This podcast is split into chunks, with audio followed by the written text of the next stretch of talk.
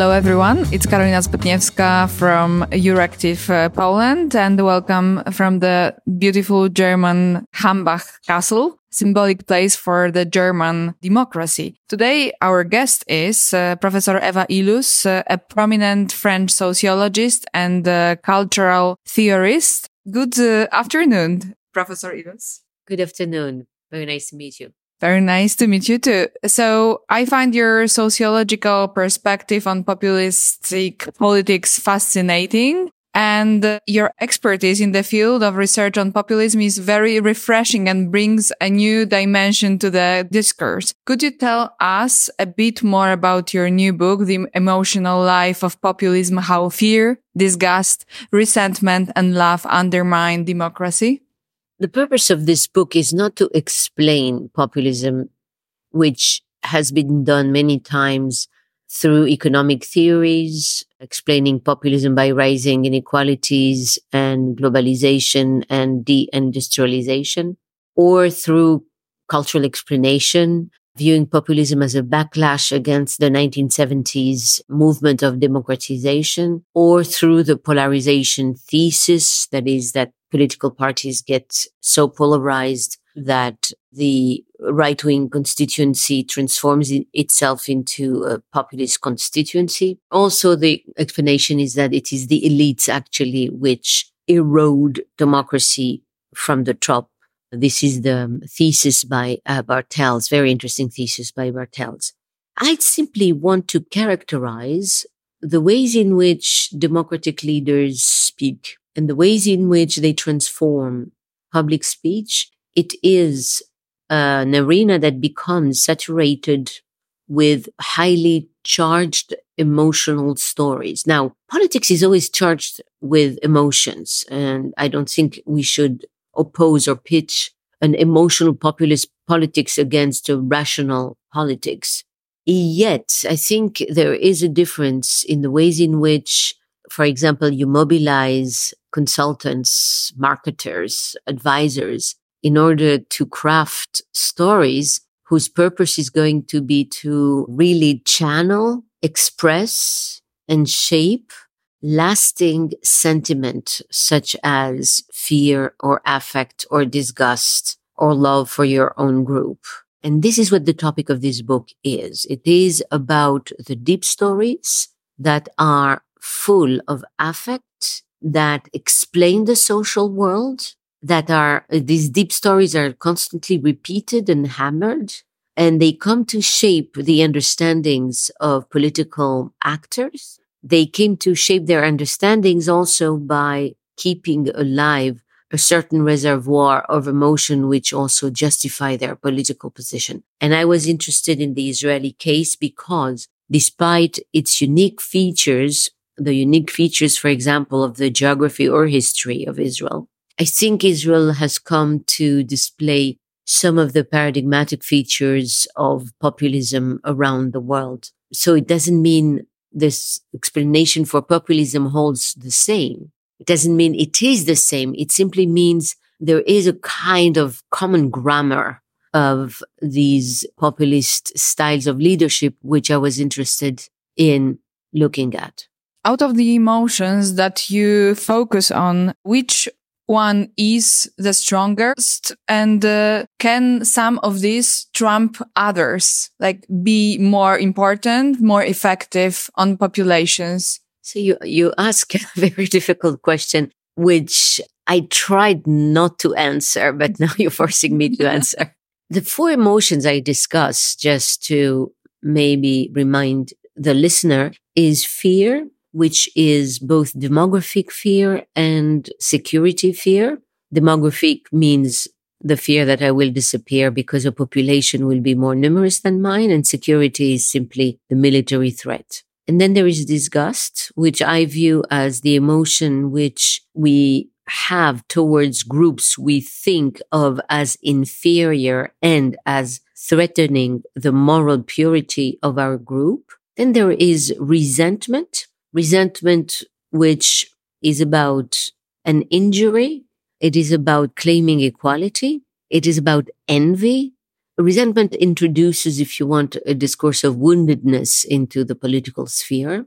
And then there is love for your people, love for your nation.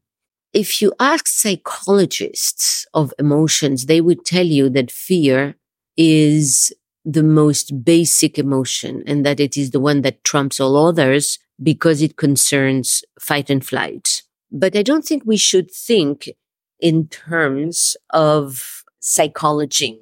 I don't want to make political argument on the basis of psychology because I think that populism is first and foremost, perhaps a reaction to the fact that many societies have become multicultural societies. And I think populism is trying to renegotiate the relationship between majorities and minorities. It's not its only dimension, of course not, but it's one that is very prominent. This is the reason why I would say that probably disgust and love of the nation, these two probably articulate this core of populism. Disgust of, you know, remember the ways in which Trump spoke about the hordes of rapists and criminals who were coming from Mexico. These kind of representations of Latinos is bound to create the feeling of what I call moral impurity of certain groups. Disgust, I think, often is the emotion that characterizes the racist, whereas fear is the emotion of the tyrant. But then this you do in the name of something that you hold very dear, which is the America of yore, which is no longer, but which can be born again with the right politics. That's the great America that Trump wanted to revive. That's the same, I think, with almost all populist leaders. Orban leading the pact. But this is true as well of Netanyahu and Modi and Meloni and Le Pen. They all speak in the name of an undiluted, pure identity, national or ethnic, or sometimes even religious identity. And that is why, in fact, populism in a strange way now bears a relationship with religion. I say in a strange way because I don't think that most of the populist leaders are religious by any stretch of the imagination. They're not. You know, Trump symbolizes everything, all the sins that a true Christian should be careful to never commit. Netanyahu is not religious. Le Pen is not. Meloni is the only one who I think is slightly different from this pack. But in general, populists as individuals are not religious. Polish populists uh, are. I wanted to ask you what your book should teach Democrats. How do you think we should learn from that? What lesson does it bring? I think there are many things we can we can learn maybe from the Israeli case. I suppose this was your question. What can we learn maybe from the Israeli case? For one, I think that there is a kind of what I call a structural weakness of the left in front of the right, because the left divides itself very easily and not only divides itself very easily, but also is not as determined to use all the means necessary to conquer and to stay in power. I think the right wing, you know, if you look at the Israeli right wing or the American right wing, the Republicans, they are definitely the first who broke the norms of democracy and of governance in order to increase their power. In fact, a great deal of what it means to share power in a parliament, in fact, turns out to be based not on rules or regulations, but on norms. That is things that people tacitly agree on. And the right is the first to have broken those norms and to have become actually, and I think a great deal of what started populism is the fact that there were many small norms that were broken. So I think the first lesson is you have to react very strongly the first time a small norm is broken.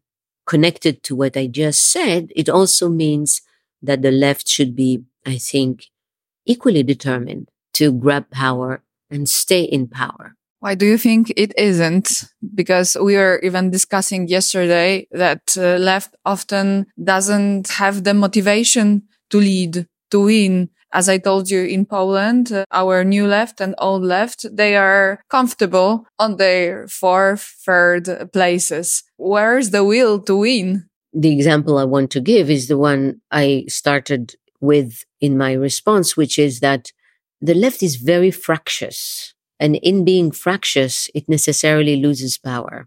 Whereas, I mean, if I take the case of Israel, when the right is very often able to pull ranks together and unite for a common cause, see now the unholy alliance between the Likud and various religious and messianist parties quite often. And when, in fact, just before this election, there was an attempt to mix together, to merge two left wing parties. One was Labor, one was Meretz. And obviously the merger would have increased the power of the constituency. The leader of the Labor Party, who is a woman, turned down. And despite the repeated attempts to make her accept this, she turned it down.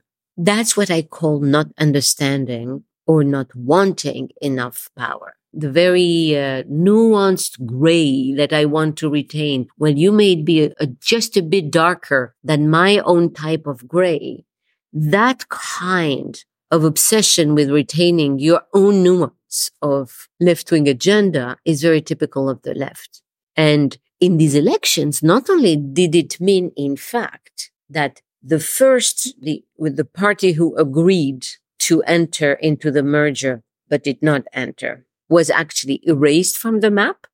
It never made it to the parliament. And the first party who is the one who refused the merger is also actually going to be erased from the map because the voters do not forgive and will not forget such a dramatic and gross mistake. So effectively, they were tiny to start with. They were made tiny from being very big. They're now very small and they're going to be completely erased from the map. So what this means again is that there is something about the ways in which the left handles its own internal differences that is highly unconducive to political power. It cares too much about doctrinal purity mm-hmm. than it cares about unity. Mm-hmm. That I think is a fundamental weakness of the left right now. Final question. Politics is infused with emotions, but uh, populist far right manipulates the emotions and is effective at that. Do you think that Democrats should use the same playbook to be effective? You know, Chantal Mouffe has uh, suggested that the left should be populist. And she is a close ally and advisor to Luc Mélenchon. I have to say that I find Luc Mélenchon's politics particularly distasteful. And I am of, of two minds. If populism means to tell very powerful stories, to mobilize through energy, not only through reason, the political passions that exist in society, if it means to talk about injustice, not only as a series of taxation policies, but by rousing indignation at the injustice that 10% of the richest get to pay much lower taxes, in fact, than the people who are struggling much more. I think that is not only fine, but that is really the way to go. But here I would make then a very strong distinction because Chantal Mouffe speaks about left-wing populism. And what I'm speaking about is emotionalism. What I'm talking about is insufflating passion into politics.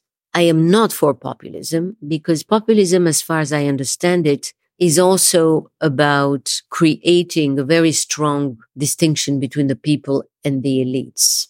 and it is almost sanctifying the people, vilifying the elites. I think there are now too many elites, in fact, to really be able to say with clarity who are these elites without creating a kind of uh, enmity and chaos inside society when I think the left should really stand for much greater unity. Populism thrives on enmity and hostility inside the body politic.